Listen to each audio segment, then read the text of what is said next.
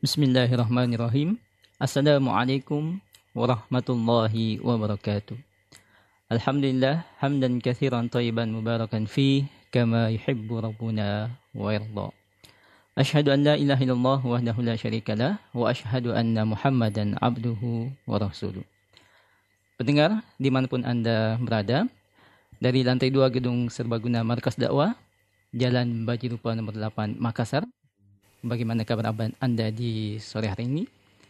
Semoga puasa kita tetap semangat dan semoga Allah Subhanahu wa taala senantiasa menganugerahkan taufik dan hidayahnya untuk kita agar selalu berada di atas satu jalan yaitu jalan yang lurus. Jalan yang lurus, jalan Rasulullah sallallahu alaihi wasallam dan para sahabatnya. Baik semangat di beribadah di 10 terakhir Ramadan ini dan di hari ini hari yang ke-23 Ramadan 1441 Hijriah di hari Sabtu 16 Mei 2020. Baiklah konsultasi agama spesial Ramadan rumahku bersinar di bulan Ramadan. Tentunya Anda akan memanfaatkan kesempatan ini untuk bertanya secara langsung maupun melalui SMS, WhatsApp ataupun Telegram ke redaksi kami. Untuk Anda yang ingin bertanya seputar agama Islam seputar isu-isu yang melibatkan keterlibatan publik dan tentunya pertanyaan seputar keutamaan 10 malam terakhir di bulan Ramadan yang tersisa untuk kita ini. Silakan Anda bisa menghubungi kami nanti di 0811 4458 untuk Anda yang ingin bertanya langsung atau via SMS, WhatsApp ataupun Telegram Anda bisa kirimkan pertanyaan Anda di 081 141 3636. 081 141 3636. Baik dari stasiun Radio An-Nasihat 88 Komodo FM, saya Muhammad Budian Syah menyapa Anda yang berada di Makassar dan sekitarnya. Dan juga Anda yang berada di Jabodetabek yang mendengarkan lewat Syiar Tauhid 675 AM. Dan tak lupa Anda yang mendengarkan di 107,5 FM Radio Al-Madinah Solo. Serta Anda yang mengikuti kami di live streaming Facebook dan YouTube Zulkarnain Muhammad Susi dan Radio An-Nasihah di mana pun Anda berada. Inilah konsultasi agama spesial Ramadan, rumahku bersinar di bulan Ramadan bersama guru kita Al-Ustaz Zulkarnain bin Muhammad Sunusi Hafizahullah Ta'ala. Tafadol Ustaz. Bismillahirrahmanirrahim. Alhamdulillahi Rabbil Alamin. Hamdan kathiran tayyiban mubarakan fih. Kama yuhibbu Rabbuna wa yarda. Asyhadu an la ilaha illallah wahdahu la syarika lah. شهادة أرجو بها النجاة يوم أن نلقاه وأشهد أن محمدا عبده ورسوله خليله المجتبى وصفيه المصطفى صلى الله عليه وعلى آله وصحبه ومن اكتفى وسلم تسليما كثيرا أما بعد. kaum muslimin dan muslimat, para pendengar, serta seluruh yang menyaksikan acara ini di mana pun Anda berada. Assalamualaikum warahmatullahi wabarakatuh. Sebuah ayat di dalam Al-Quran, kaidah di dalam kehidupan. Di berbagai kondisi dan keadaan, serta di dalam memaksimalkan kehidupan ini pada hal yang baik khususnya di masa-masa yang penuh dengan peluang dan penuh dengan keutamaan. Ayatnya tertera di surah Al-Baqarah pada ayat yang ke-148 yaitu firman Allah Subhanahu wa taala walikulli wijhatun walikullin wijhatun huwa muwalliha fastabiqul khairat Aynama takunu ya'ti bikumullahu jami'a innallaha ala kulli syai'in qadir. Untuk setiap umat, setiap penganut agama, Allah memberikan kepada mereka wijah, ada arah, ada kiblat yang mereka berarah ke sana. Mereka berarah ke sana. Huwa muwalliha Dialah Allah yang menyebabkan mereka menghadap ke sana. mereka berarah ke sana. Allah Subhanahu wa taala yang menjadikan hal tersebut. Fastabiqul khairat. Maka bersegeralah kalian semua di dalam kebaikan. Jadi maksudnya umat ini diberi khususan oleh Allah kiblat menghadap ke Ka'bah. Itu kiblat yang paling agungnya untuk umat ini. Dan dari penganut agama sebelumnya, dari agama-agama yang pernah diturunkan oleh Allah, diutus dengannya para nabi, mereka diberi kiblat, mereka juga berarah di sana. Dan inti perkara bukan di situ. Karena setiap nabi dan rasul diberi syariat dan ketentuan. Walikullin ja'alna minkum syir'atan wa minhaja. Setiap dari kalian kami jadikan untuk mereka syariat dan minhaj, jalan yang mereka tempuh. Iya. Tapi yang menjadi inti permasalahan sebenarnya adalah bagaimana menjalankan perintah Allah. Bagaimana menunaikan syariat Allah Subhanahu wa taala. Karena itulah pada kelanjutan ayat dikatakan fastabiqul khairat. Bersegeralah kalian semua kepada kebaikan. Perlu ada kesegeraan menuju kepada kebaikan. Fastabiqul khairat berlomba-lomba menuju ke sana. Dan ini berlaku pada segala ketaatan, pada segala syariat. Dan ini ayat kaidah besar, universal mencakup segala hal. Karena itulah pada saat bulan puasa misalnya selesai, ada perempuan yang punya tunggakan karena haid misalnya karena berhalangan maka fastabiqul khairat. Begitu selesai Ramadan dia segerakan untuk menyelesaikan. Baru setelah itu dia puasa Syawal. Sebagaimana seorang yang sudah sempurna puasa Ramadannya begitu dia masuk ke bulan Syawal ingin berpuasa enam hari di bulan Syawal walaupun boleh dikerjakan dia potong-potong dia tunda di mana bisa dikerjakan di akhir syawal. Tapi pas tabiqul khairat berlomba-lomba itu lebih bagus. Sebagaimana sholat di rumah waktunya memang lapang. Ada waktu awal waktu akhir waktu. Tapi kalau dikerjakan di awal waktu maka itu lebih baik. Sebagaimana seorang itu ketika jatuh kewajiban zakatnya maka segera dia keluarkan tidak dia undur-undur di dalam hal tersebut sebagaimana dia berada di suatu musim yang penuh dengan keutamaan, penuh dengan kebaikan, maka dia bersegera. Tidak ada yang dia undur, tidak ada yang dia tunda. Dan sebagaimana Allah memberi kemudahan untuk kita semua, masuk di 10 malam terakhir, masuk di 10 hari terakhir di bulan Ramadan ini yang penuh dengan keagungan dan keutamaan, maka fastabiqul khairat. Berlomba-lomba kalian semua. Ini kaidah besar mencakup segala hal. Iya. Dan memang kadang kalau kita pikirkan keutamaan itu mengalir sebagaimana ketaatan pahala yang dijanjikan itu adalah pasti siapa yang ingin bertobat pintu tobat Allah selalu terbuka pengampunan dan rahmat Allah sangat luas, tidak ada batasnya. Keutamaan di 10 malam terakhir, adanya Lailatul Qadri, itu dipastikan di 10 malam, hanya perlu kita mencarinya. Dan seorang hamba masih terbuka peluang sepanjang nyawanya belum sampai di tenggorokan. Tapi yang menjadi masalah kenapa ada orang-orang yang lesu, ada yang malas, bahkan ada yang berpaling dari ketaatan dan amalan di dalam hal itu. Itulah sifat pada manusia.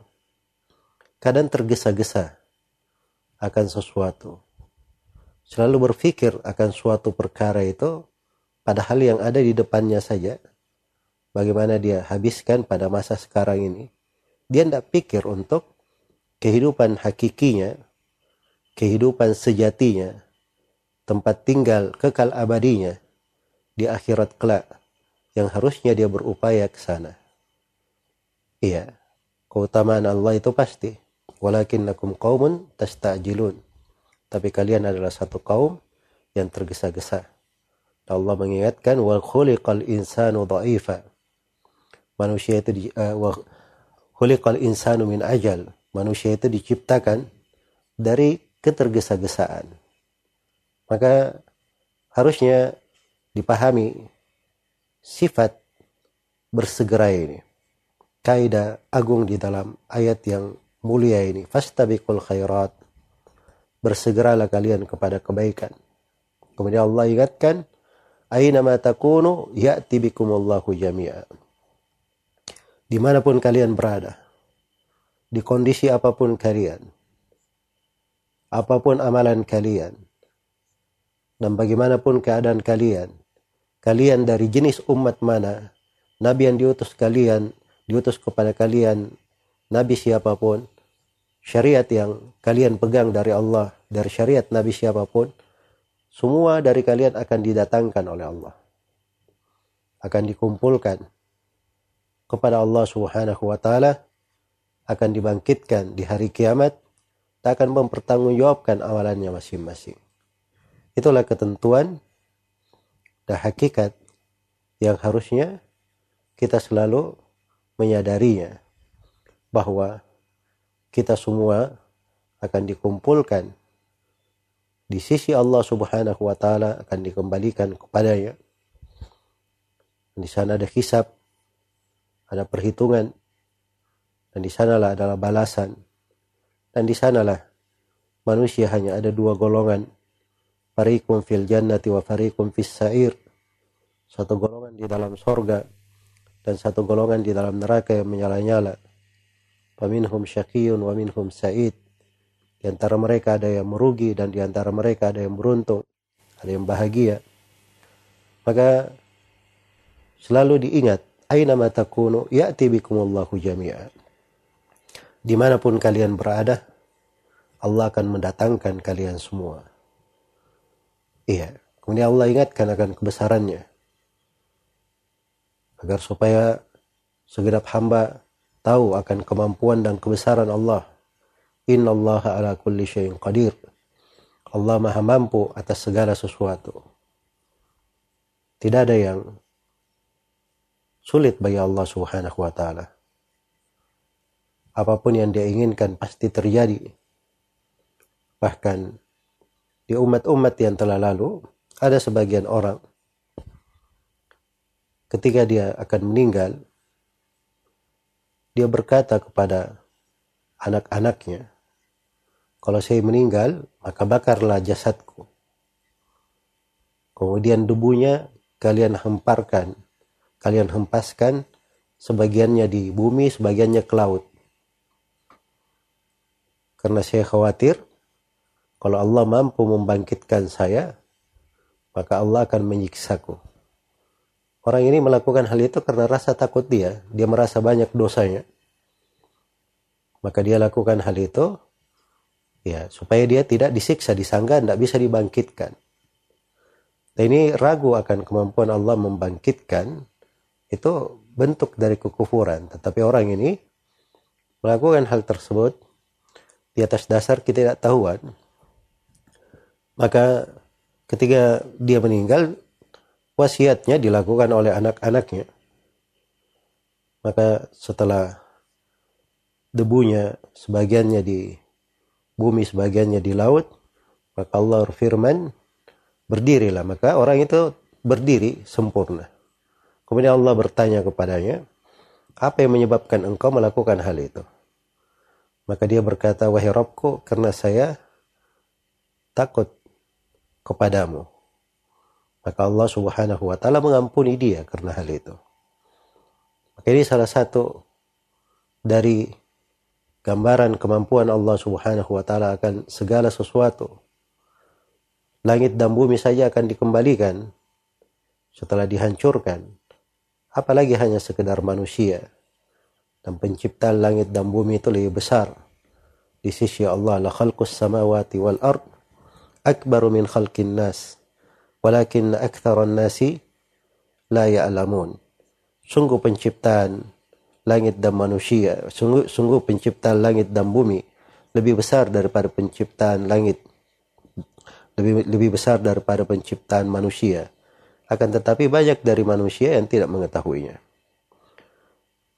Ini ayat dari ayat-ayat yang hendaknya menjadi motivasi di dalam hati kita suatu lentera yang selalu menjadi petunjuk di dalam jalan kita di mana pun kita berada. Walikullin wijahatun huwa muwalliha untuk setiap umat setiap penganut agama ada arah ada kiblat Allah yang mengarahkan mereka ke sana fastabiqul khairat bersegeralah kalian semua kepada kebaikan Aynama takunu ya'ti bikumullahu jami'a. Di mana pun kalian berada, Allah akan mendatangkan kalian semua. Inna Allah ala kulli syai'in qadir. Sungguhnya Allah maha mampu atas segala sesuatu. Wallahu ta'ala alam wa sallallahu wasallam Muhammad wa ala alihi wa sahbihi wasallam.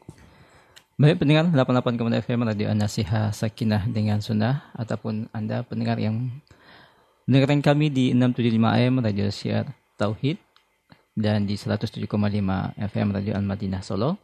Serta Anda yang ikut menyaksikan kami live streaming di YouTube dan Facebook Zulkarnain Muhammad Sunsi juga Radio An-Nasiha. Saatnya kita memasuki sesi tanya jawab. Silahkan Anda yang ingin berkonsultasi langsung atau ingin menanyakan langsung pertanyaan Anda ke Ustaz, Anda bisa menghubungi kami di nombor telefon 0811 4458 atau Anda bisa mengirimkan pertanyaan Anda via SMS, WhatsApp ataupun Telegram ke 081 141 3636. 081 141 3636. Baik Ustaz, sudah ada penelpon yang masuk, bisa kita angkat? Baik.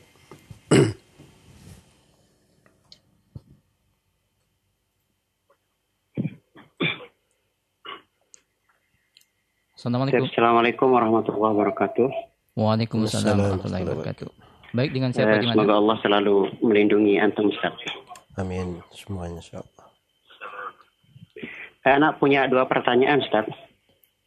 Eh, yang pertama, kita kan hidup di Indonesia Ustaz ya. Eh, kita ini menerima banyak fatwa. Baik dari Majelis Ulama Indonesia ataupun dari ulama-ulama luar negeri atau luar negara kita eh, ini yang kita ikuti itu fatwanya siapa, Ustaz? MUI ataukah fatwa dari ulama eh, luar Indonesia? Itu yang pertama, Ustaz. Yang kedua, eh, apakah seluruh ilmu itu harus dipelajari di hadapan seorang guru ataukah boleh seorang penuntut ilmu itu dia belajar hanya dengan membaca, eh, meneliti dan seterusnya? Eh, demikian pertanyaan Ustaz. Barakallahu fiik. Assalamualaikum warahmatullahi wabarakatuh. Waalaikumsalam. Assalamualaikum warahmatullahi wabarakatuh. Alhamdulillah Rabbil Alamin Wassalatu wassalamu ala al-mabawthi rahmatan lil alamin Nabiina Muhammad wa ala alihi wa sahbihi Wa man tabi'ahum bi ihsanin ila yaumiddin amma ba'd Jadi ada dua pertanyaan ya. Yang pertama terkait dengan fatwa Fatwa itu adalah sebuah jawaban yang disampaikan oleh seorang alim dan dia tidak bersifat mengikat yang disebut fatwa. Beda dengan qadha. Kalau qadha itu sebuah ketentuan diputuskan seorang qadhi atau seorang alim yang menjadi qadhi dan itu mengikat. Ya kalau misalnya di dalam masalah hukum talak seorang berkata kepada istrinya kamu talak tiga.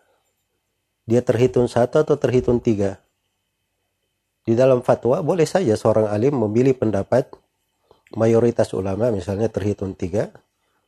Boleh saja dia menghitung pendapat di sebagian madhab yang dikuatkan oleh sejumlah ulama di masa ini itu terhitung satu saja.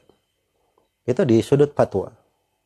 Tetapi kalau dia di depan qadhi sudah di pengadilan dihadapkan kepada kasus tersebut dan si hakim mengatakan ini terhitung tiga maka wajib dianggap tiga walaupun pendapat orang yang ada di situ cuma satu atau pendapat yang lain dia harus mengambil pendapatnya si qadhi itu yang terkait dengan masalah di pembahasan. Ini adalah hal yang tidak, tidak bisa dibedakan oleh banyak orang. Kemudian sudut yang kedua ya sudut yang kedua dari hal-hal yang bentuknya mengikat apabila fatwa tersebut itu ada kaitannya dengan kalau dia terkait dengan pribadi itu terkait dengan pribadi. Iya.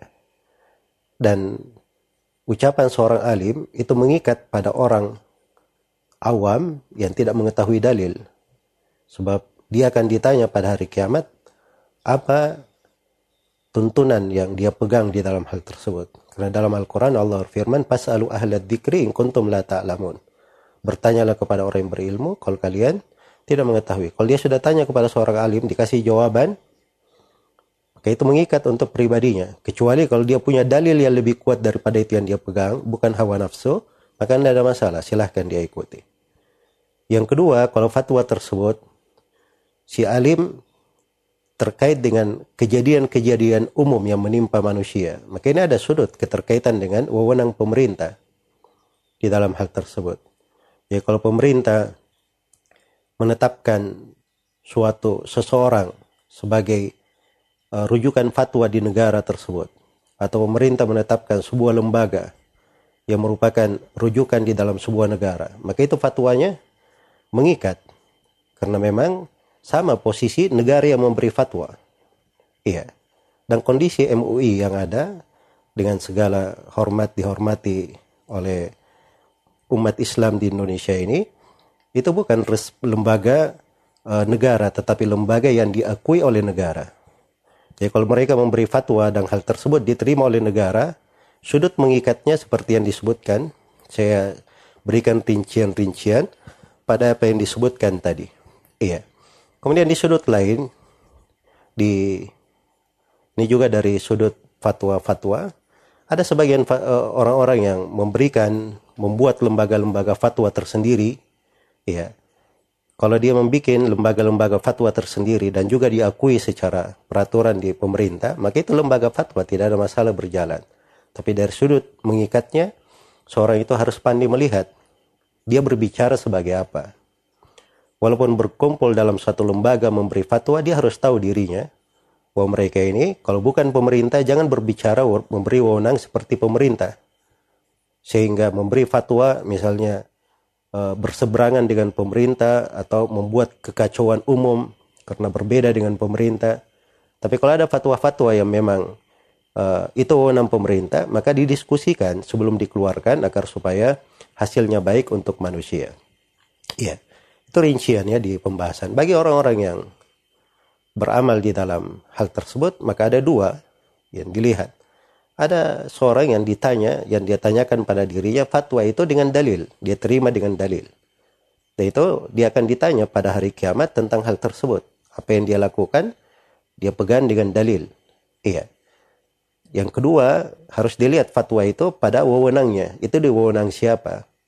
Ya kalau fatwa-fatwa terkait dengan umum misalnya, pemerintah menetapkan masuknya tanggal 1 Ramadan, hari sekian. Itu pemerintah yang diikuti. Siapa pun yang memberi fatwa, mau lembaga apa pun, ormas apa pun, itu tidak diterima. Karena itu bukan wewenang mereka di dalam hal tersebut. Tidak dari sudut syar'i dan tidak pula dari sudut peraturan yang berjalan di sebuah negara. Maka itu e, cara mendudukkan di dalam hal-hal yang seperti ini. Semoga Allah memberi taufik kepada semuanya. Wallahu ta'ala alam. Kemudian yang kedua, seorang penuntut ilmu itu pada semua ilmu yang dia pelajari itu harus diambil dari guru. Kunci-kunci ilmu kalau sudah diambil dari guru, dia pelajari dari guru. Nah, kunci-kunci ini itu bisa menyebabkan dia uh, berkembang untuk membaca dan meneliti. Nah, di sela-sela pembacaan dan penelitiannya, kalau ada hal-hal yang perlu dia diskusikan dengan para ulama, dia diskusikan. Tapi pada dasarnya ilmu itu diambil dari guru, seorang talaki. Tidak ada di dalam istilah belajar itu otodidak. Iya, karena Nabi SAW itu seluruh wahyu dan syariat yang beliau sampaikan itu datang dengan perantara Jibril. Diajari langsung. Dan para sahabat dengan segala kecerdasan mereka, kepiawaian mereka, dan kemampuan yang mereka miliki, semua dari mereka, siapa pun dari sahabat, bersimpu di depan Nabi SAW mengambil ilmu dari Nabi. Demikian pula Imamul Bukhari dan lainnya yang mendengar satu hadith, seratus hadith, seribu hadith, satu kali dengar mereka bisa langsung hafal, mereka semuanya memiliki guru-guru, bahkan ada yang gurunya lebih 2000 orang. Iya. Dan ini ketentuan di dalam mempelajari syariat. Agar supaya seorang itu paham bahwa ilmu itu adalah warisan yang terwarisi, bukan sesuatu yang sifatnya bertumpu pada kecerdasan semata. Dan seseorang itu bisa membuat uh, suatu kesimpulan-kesimpulan yang menarik manusia. Tapi ilmu itu adalah warisan yang berjalan adalah ketentuan yang sudah tetap sisa diwarisi dan dipelajari sebagaimana yang diwariskan oleh Nabi Shallallahu Alaihi Wasallam. Semoga Allah Subhanahu Wa Taala memberi taufik kepada semuanya. Baik ini ada pertanyaan dari Sahlan di Osaka, Jepang. Ya kebetulan di apa namanya di halaman saya. Itu pertanyaan yang pertama ya. Jadi para pendengar di Indonesia jangan ada yang komplain kok kalau pertanyaan dari luar negeri didahulukan. Dari kemarin juga ada pertanyaan-pertanyaan dari luar negeri. Cuman saya nggak baca karena belum sampai ke situ saya membacanya. Baik, di sini ada dua pertanyaan. Uh, apakah kami yang berdomisili di Jepang mesti mengikuti arahan pemerintah Republik Indonesia untuk stay up home, sedangkan pemerintah uh, Jepang di tempat saya berdomisili tidak mewajibkan hal tersebut dalam hal beribadah di masjid. Apalagi keinginan saya untuk melakukan etikaf di masjid. Yaitu terkait dengan kondisi ya di sebuah tempat. Jadi uh, anjuran untuk beribadah di rumah itu itu karena sebuah sebuah alasan. Alasannya adalah tersebarnya wabah. Dan penyebaran wabah ini bisa menjadi ancaman bagi dia dan bisa menjadi ancaman bagi orang lain. Kalau itu terjadi di Indonesia atau di Jepang, maka itulah dasarnya kenapa seorang itu diberi udur untuk sholat di rumahnya. Iya. Kalau dia misalnya berada di suatu tempat yang memang posisi pemerintahannya ya menjamin tidak ada lagi penyebaran ya atau yang semisal dengan itu maka dia boleh saja seperti kehidupan normal biasa semoga Allah Subhanahu wa taala memberi taufik kepada semuanya dalam membayar zakat fitri di tempat saya berdomisili mesti menggunakan uang bukan bahan makanan dalam hal tersebut bagaimana hukumnya kalau dia keluarkan dalam bentuk uang itu tidak syah dihitung sebagai zakat fitri iya maka dia kalau keluarkan dalam bentuk uang, tidak ada masalah, dia anggap sebagai sedekah. Kalau dia tidak bisa menyalurkan makanan di tempat dia di domisili, dia bisa memberikan di tempat lain yang bisa disalurkan dengan makanan. Ya, sebab dasarnya di pembahasan zakat fitri itu Nabi Shallallahu Alaihi Wasallam hanya memberikan arahan dengan makanan. Waktu lil masakin sebagai makanan untuk orang-orang miskin. Demikian dalam hadits Ibnu Abbas riwayat Abu Daud. Semoga Allah memberi taufik kepada semuanya.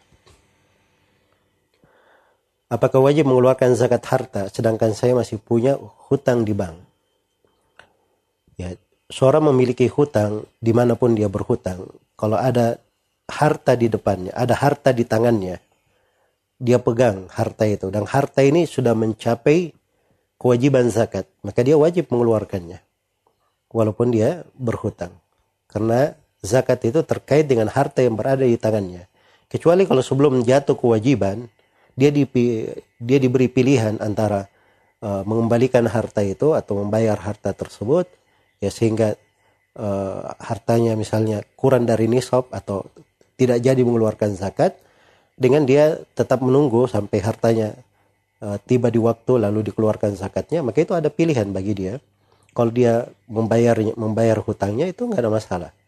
Ya sebab itu memang kaitannya dengan uh, kewajibannya bisa dia segerakan. Tetapi ketentuannya pada harta, pada zakat seperti yang saya terangkan tadi. Kalau harta ada di tangan dan sudah memenuhi syarat kewajiban, maka pada dasarnya dikeluarkan zakatnya. Semoga Allah Subhanahu wa taala memberi taufik kepada semuanya.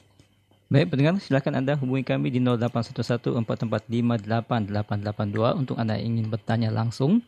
Atau Anda bisa mengirimkan pertanyaan Anda via SMS, WhatsApp, ataupun Telegram ke 081-141-3636. Baik Ustaz, kita angkat penelpon. Baik.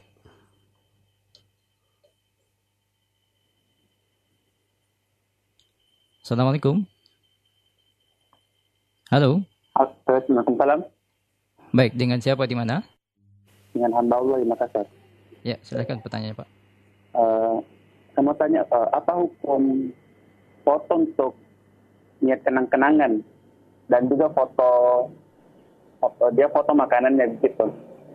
Ya dan yang kedua, apa hukum uh, jika ada suatu ilmu yang kita sudah dapat untuk suatu perkara tapi kita masih tetap melanggar begitu.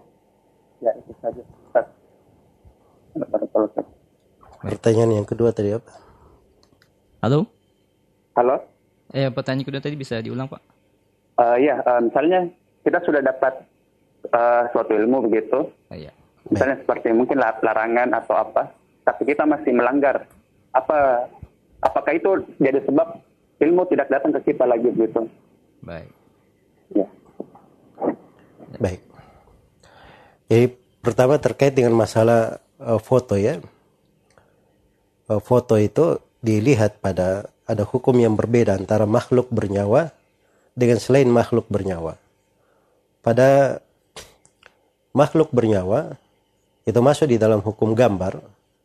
Iya. Menurut pendapat yang lebih uh, kuat dan lebih banyak dipegang oleh ulama di masa sekarang ini.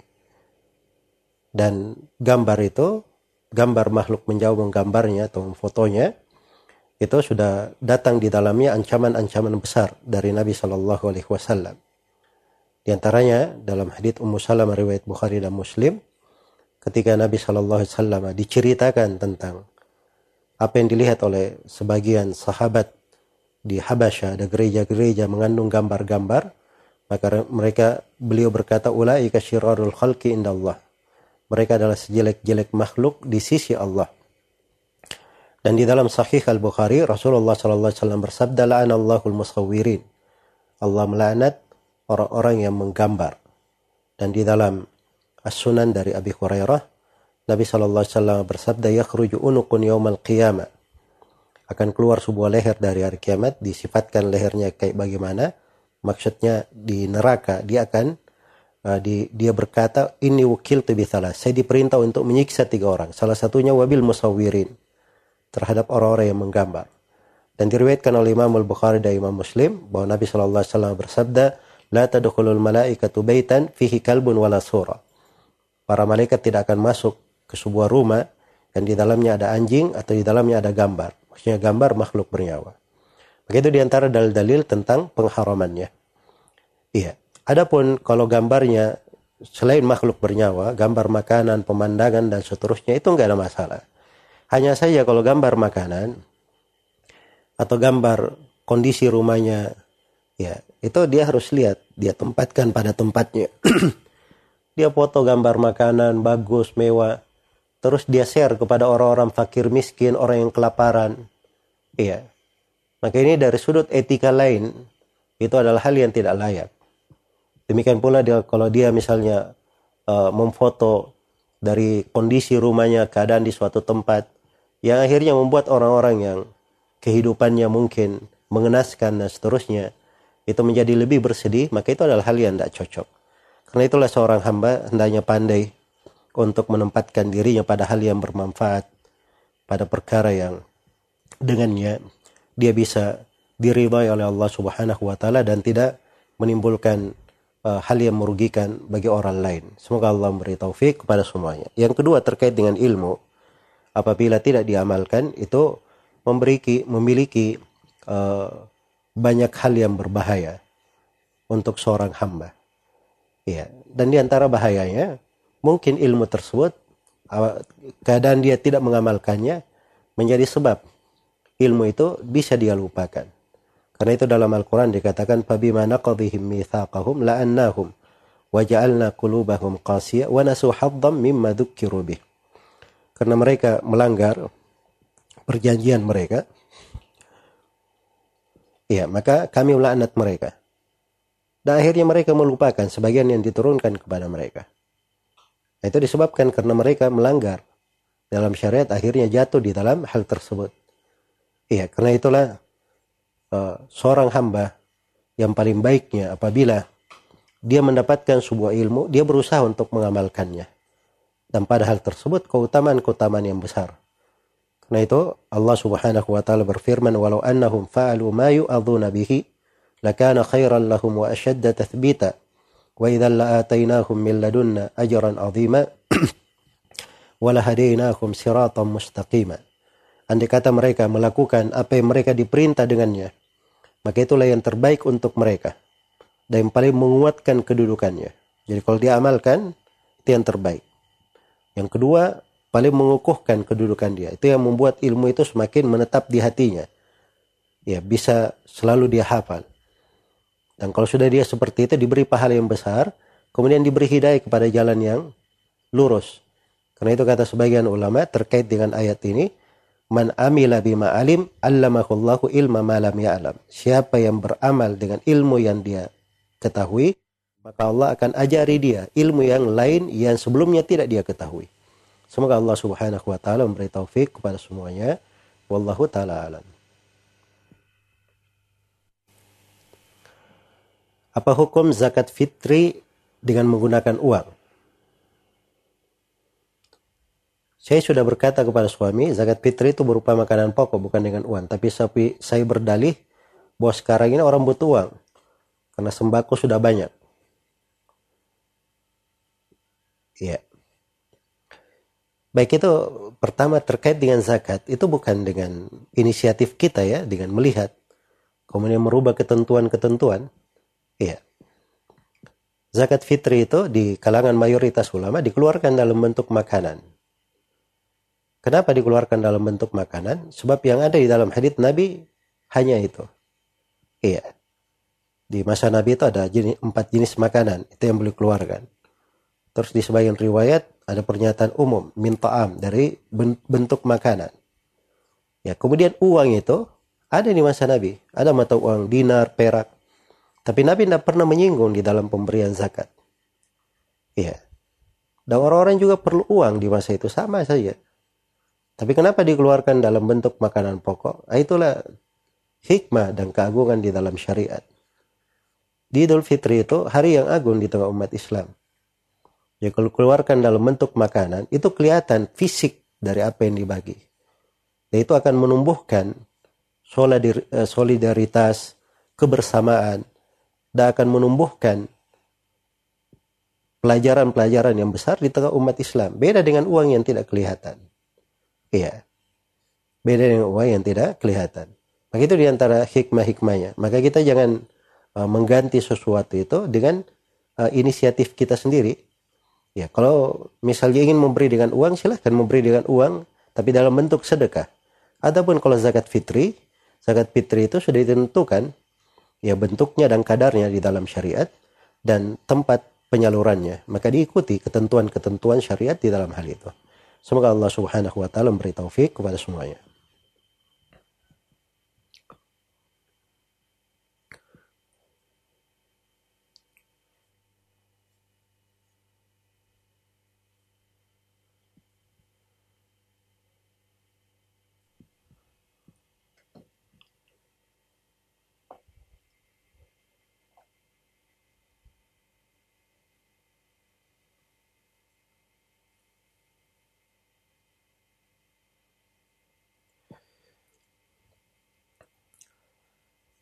Saya sudah lama mempunyai penyakit lambung. Di Ramadan ini memang terasa berbeda. Saya sering sekali merasa tidak enak badan atau sering keluar keringat dingin. Setelah ke dokter, dokter menyarankan saya untuk tidak puasa dulu. Tapi saya merasa sayang untuk meninggalkan puasa mengingat puasa tinggal 8 hari. Ya seorang kalau misalnya di diklaim oleh dokter seperti itu diberi izin untuk tidak puasa atau dianjurkan untuk tidak puasa itu udur baginya boleh dia tidak puasa iya boleh untuk tidak puasa kalau misalnya dia tetap ingin puasa dan dia tanggung hal-hal yang seperti ini karena tidak membawa kepada kebinasaan yang meyakinkan, maka itu kembali kepada dirinya. Atau misalnya dia tetap puasa, tapi dia cari solusi untuk hal itu. Misalnya dia minum obat sebelum dia puasa, atau ketika dia berbuka, agar supaya bisa uh, apa namanya dihadapi dari kendala tersebut. Tapi secara umum, ya kalau memang bersedih itu jiwa seorang hamba yang, yang memang cinta puasa dan seterusnya tapi seorang juga harus tahu bahwa Allah berfirman wala tulqu biaidikum ila tahluka. Jangan kalian melemparkan diri-diri kalian ke dalam kebinasaan. Ya padahal memang ada udur di situ, yang dalam masalah seorang tidak perlu merasa berat karena Allah Subhanahu wa taala yang memberi keringanan. Dan Allah cinta apabila keringanannya didatangi. Semoga Allah Subhanahu wa taala memberi taufik kepada semuanya. Baik pendengar, 22 menit sudah berlalu dari kita dari pukul 17. Silakan Anda yang ingin bertanya langsung, Anda bisa menghubungi kami di 0811 445 Baik Ustaz, kita angkat lagi penelpon. Baik.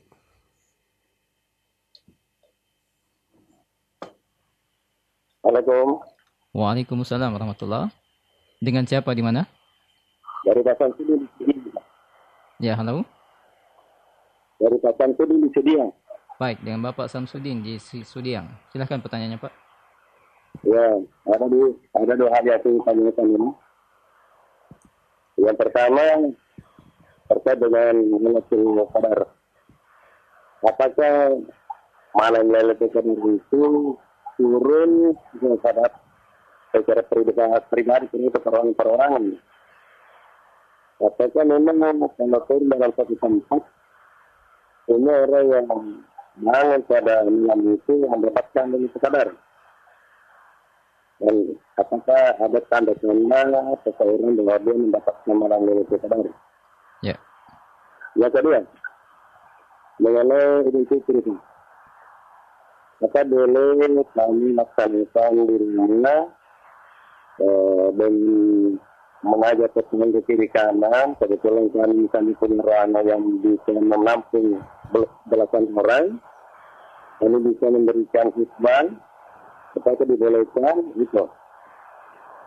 Kalau memang bisa saya memang menjadikan di pasar Assalamualaikum. Halo Pak Samsudin. Baik terputus Silakan Ustaz Baik, saya ada sebagian yang gak jelas saya dengar ya. Cuman yang pertama terkait dengan Lailatul Qadar. Lailatul Qadar itu itu adalah sebuah malam ketika turun itu mencakup seluruh penduduk bumi. Iya. Bukan terkait dengan satu orang saja atau orang-orang tertentu saja. Ya, tapi itu terkait dengan rahmat dan kebaikan yang Allah Subhanahu wa taala turunkan. Maka siapa pun yang menghidupkannya, dia mendapat pahala yang dijanjikan di dalam ayat Lailatul Qadar khairum min alfi syahr. Lailatul Qadar itu lebih baik daripada seribu, seribu bulan. Adapun pertanyaan kedua tadi terkait dengan Idul Fitri, apa pertanyaannya? Maaf Ustaz, saya juga kurang jelas tadi pertanyaannya. Baik, barakallah baik. Uh, di sini ada pertanyaan terkait dengan bagaimana hukum menjadi vegetarian, tidak memakan hewan ternak dengan alasan menjaga lingkungan. Sebab banyak sekali kampanye untuk menjadi vegetarian. Apakah ini termasuk mengharamkan apa yang Allah halalkan? Dan bagaimana jika tujuannya untuk diet? Dan bagaimana pandangan Islam tentang diet itu sendiri? Ya pertama, seorang itu ketika mengarahkan sesuatu dengan sebuah alasan, sebuah maslahat, ya boleh saja. Misalnya dia tidak makan, uh, dia hanya makan dari uh, buah-buahan atau sayur-sayur yang tidak makan hewan ternak untuk menjaga kesehatan, nah itu kembali kepada dia boleh saja. Ya. Tetapi kalau misalnya arahannya tidak boleh memakan hewan ternak, nah itu namanya mengharamkan apa yang Allah halalkan. Karena itu dari hal yang dihalalkan, bukan hanya di tengah umat ini, bahkan di seluruh penganut agama tidak ada yang mengharamkan hal tersebut. Kemudian alasan menjaga lingkungan ini mungkin di sudut batas di, di, di sudut pandangan yang terbatas. Karena definisi menjaga lingkungan itu oleh sebagian orang tidak dipahami apa makna menjaga lingkungan. Menjaga lingkungan itu tidak mesti ya seorang menghilangkan sebagian sebagian habitat yang harusnya hidup di lingkungan. Ya. Nah ini mungkin kembali kepada sudut pemahaman yang sempit di dalam hal tersebut. Kemudian kalau tujuannya untuk diet saya sudah terangkan tadi kalau memang ada sudut maslahat untuk dia itu kembali kepada dia. Dia boleh membatasi sebagian makanan untuk kesehatan itu enggak ada masalah. Semoga Allah memberi taufik kepada semuanya.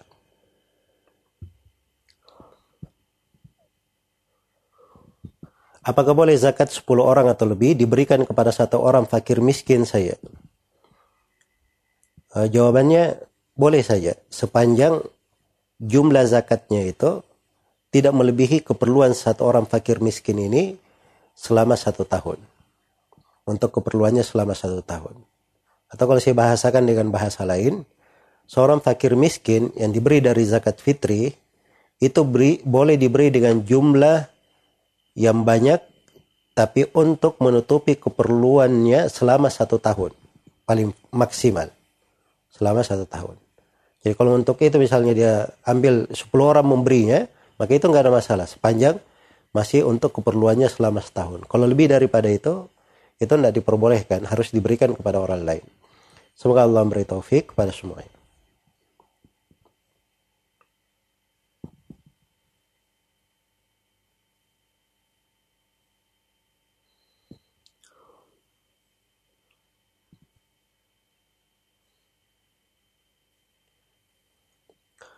Saya guru mengaji dan suami punya penghasilan bulanan. Murid membawa uh, zakat fitrinya ke rumah saya dan zakat juga zakat fitri keluarganya. Saya katakan bahwa saya akan bawa ke masjid untuk disalurkan. Tapi murid saya ingin jika zakat itu saya terima. Apakah saya wajib membawa zakat tersebut? Jawabannya kalau uh, penanya beliau bukan orang yang tergolong ke dalam fakir dan miskin, ya tidak berhak untuk menerima zakat. Maka tidak boleh diambil. Dia harus salurkan kepada orang lain agar supaya syah bagi muridnya dan keluarganya tersebut. Ya semoga Allah subhanahu wa ta'ala memberi taufik bagi semuanya.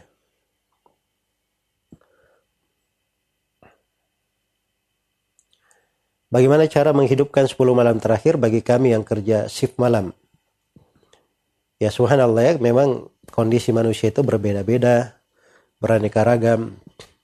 Ada yang uh, di kondisi yang seperti ini pun ya terpaksa di malam dia tetap kerja mungkin karena terikat kontrak atau mungkin karena keperluan dan sebagainya.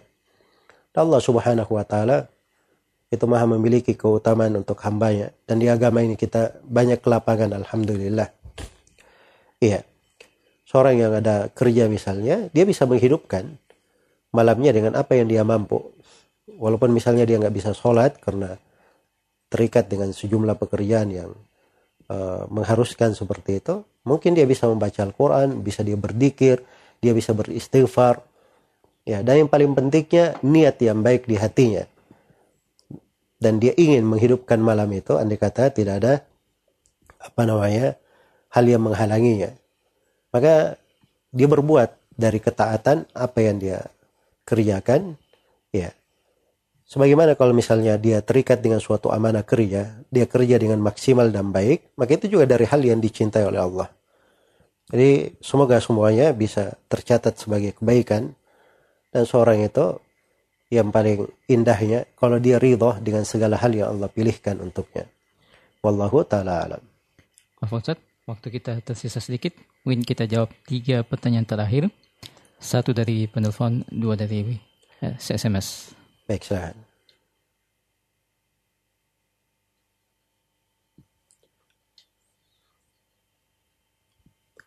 Halo? Halo, Assalamualaikum. Waalaikumsalam warahmatullahi Dengan siapa dari di hamba, mana? Dari hamba Allah di Makassar. Ya, silakan Ibu. Uh, Ustaz, uh, bagaimana kalau hukumnya berdoa setelah sholat fardu? apakah boleh mengangkat tangan atau tidak. Terus yang kedua, uh, jika ayah kita meninggalkan warisan, apakah uh, ibu wajib mengeluarkan zakat fit zakat harta dia membagikan kepada anak-anaknya. Uh, terus saja Ustaz. Baik. Jazakallah khair. Baik, ada dua pertanyaan ya. Yang pertama terkait dengan masalah hukum berdoa setelah sholat fardu. Jadi kita diajar ya membaca dikir-dikir, doa-doa setelah sholat fardu. Ada sebagian bentuk doa di situ. Makanya sebagian ulama mengatakan tidak ada masalah. Seorang yang ingin berdoa setelah sholat fardu, tidak ada masalah. Dan sebagian ulama berdalilkan untuk hal tersebut dengan ayat faida farag tafansab wa ila rabbika farghab. Kalau kamu sudah selesai dari sebuah ibadah, berdiri lakukan ibadah yang lain dan kepada Rabbmu hendaknya engkau selalu berharap. Iya. Tapi apakah mengangkat tangan pada saat berdoanya, itu menjadi permasalahan. Tentang mengangkat tangannya. Karena tidak semua tempat yang disyariatkan berdoa, disyariatkan mengangkat tangan di situ. Kita mau masuk WC baca doa, tapi tidak ada syariat mengangkat tangan. Kenapa tidak ada syariat mengangkat tangan? Pasti akan dijawab karena tidak ada tuntunan dari Nabi dalam hal tersebut. Ya sama selepas sholat. Selepas sholat itu pekerjaan dilakukan oleh Nabi setiap hari. Dilakukan oleh para sahabat. Andai ada tuntunan dalam hal, hal itu, maka akan dinukil pasti secara banyak dan mutawatir. Paling tinggi, paling tidak paling tidak nukilannya akan tersohor di dalam hal itu. Tapi ternyata tidak ada nukilan tentang mengangkat tangan khusus selepas sholat. Iya. Karena itu kalau ingin berdoa, berdoa saja, nggak ada masalah. Tapi tidak dengan mengangkat tangan. Adapun pertanyaan yang kedua, terkait dengan harta warisan. Ketika ada seorang yang meninggal, maka memang ada hak-hak yang perlu dikeluarkan sebelum harta warisan tersebut dibagi di antara hak-hak tersebut adalah hak yang terkait dengan hak Allah Subhanahu wa taala. Hak yang terkait dengan hak Allah Subhanahu wa taala atau hak pada harta itu. Misalnya orang yang meninggal belum haji, itu kan hak Allah. Ya, maka dikeluarkan dari hartanya biaya supaya dia dihajikan. Atau misalnya seperti yang disebutkan terkait dengan zakat, yang meninggal ini ketika dia meninggal itu ada kaitannya hutang kepada orang. Maka sebelum harta warisan dibagi dibayar dulu hutangnya. Demikian pula kalau misalnya pada har pada hartanya itu sudah ada kewajiban zakat. Tapi kewajiban zakatnya belum sempat dikeluarkan. Maka kita keluarkan dulu zakatnya untuk beliaunya sendiri. Kewajibannya terkait dengan zakat. Setelah selesai semua, baru dibagi harta itu sesuai dengan uh, ketentuan ilmu warisan. Semoga Allah Subhanahu wa taala memberi taufik kepada semuanya.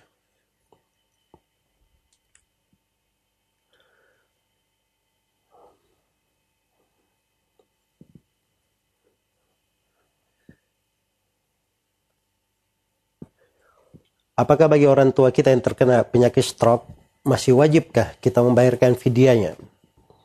Ya jenis stroke itu bermacam-macam ya. Jadi kalau stroke-nya kondisinya hanya melumpuhkan badan tapi masih sanggup berpuasa, maka tetap ada kewajiban berpuasa. Ya, tapi kalau stroke dalam kondisi menyebabkan dia tidak sanggup berpuasa lagi, nah ini dibayarkan fidyah. Kalau stroke menyebabkan dia hilang kesadaran, tidak apa namanya, uh, tidak paham lagi apa yang dibicarakan, atau merubahnya misalnya menjadi uh, sudah hilang ingatan. Uh, orang yang hilang ingatan itu memang tidak ada kewajiban, ya tidak dibayarkan fidyahnya, tidak pula dikodokkan untuknya. Ya, wallahu taala alam. Baik mungkin yang terakhir bisa dijawab dan di sini banyak sekali pertanyaan ya yang terkait dengan zakat fitri dan terkait dengan uh, Idul Fitri.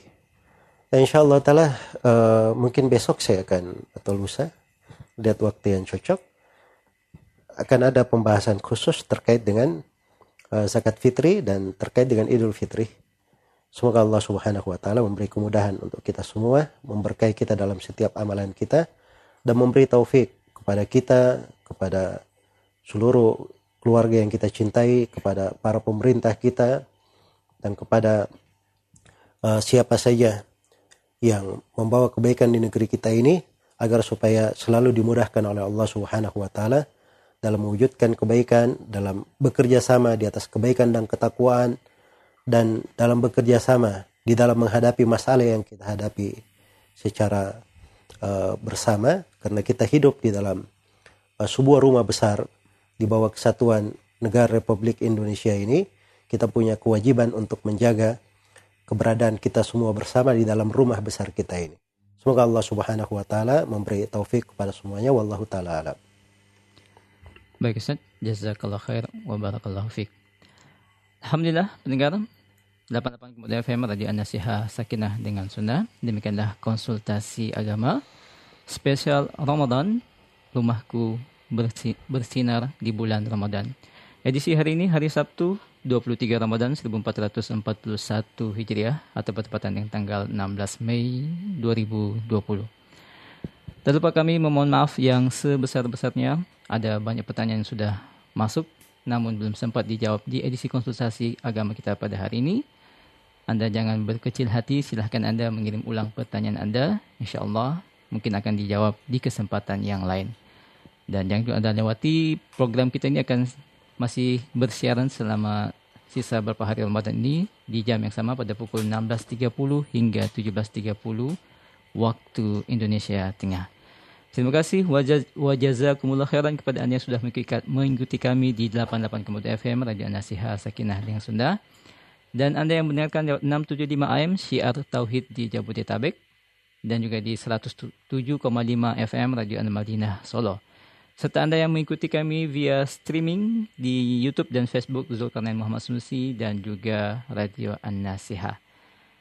Untuk Anda yang belum sempat mengikuti konsultasi agama kita di hari ini, silahkan Anda bisa mengikuti kami kembali atau mendengarkan siaran ulang besok di pukul 3.30 hingga 4.30 menjelang sahur hanya di 88,2 FM Radio An-Nasihah Sakinah dengan Sunnah. Baik, sebelum kami pamit, kami informasikan untuk waktu sholat maghrib atau waktu berbuka puasa hari ini 23 Ramadan. Untuk wilayah Jakarta dan sekitarnya jatuh pada pukul 17 lewat 47 menit waktu Indonesia Barat. Dan untuk Anda yang berada di wilayah Surakarta ataupun Solo, waktu maghrib pada pukul 17 lewat 29 menit waktu Indonesia Barat. Dan untuk Anda di Makassar dan sekitarnya, waktu sholat maghrib hari ini 23 Ramadan pada pukul 17 lewat 58 menit waktu Indonesia Tengah. Baik, akhir kata saya Muhammad Budi Awansyah dan seluruh kru mohon pamit. Subhanakallahumma wa bihamdik. Ashhadu an la ilaha illa anta astaghfiruka wa atubu ilaik. Wassalamualaikum warahmatullahi wabarakatuh.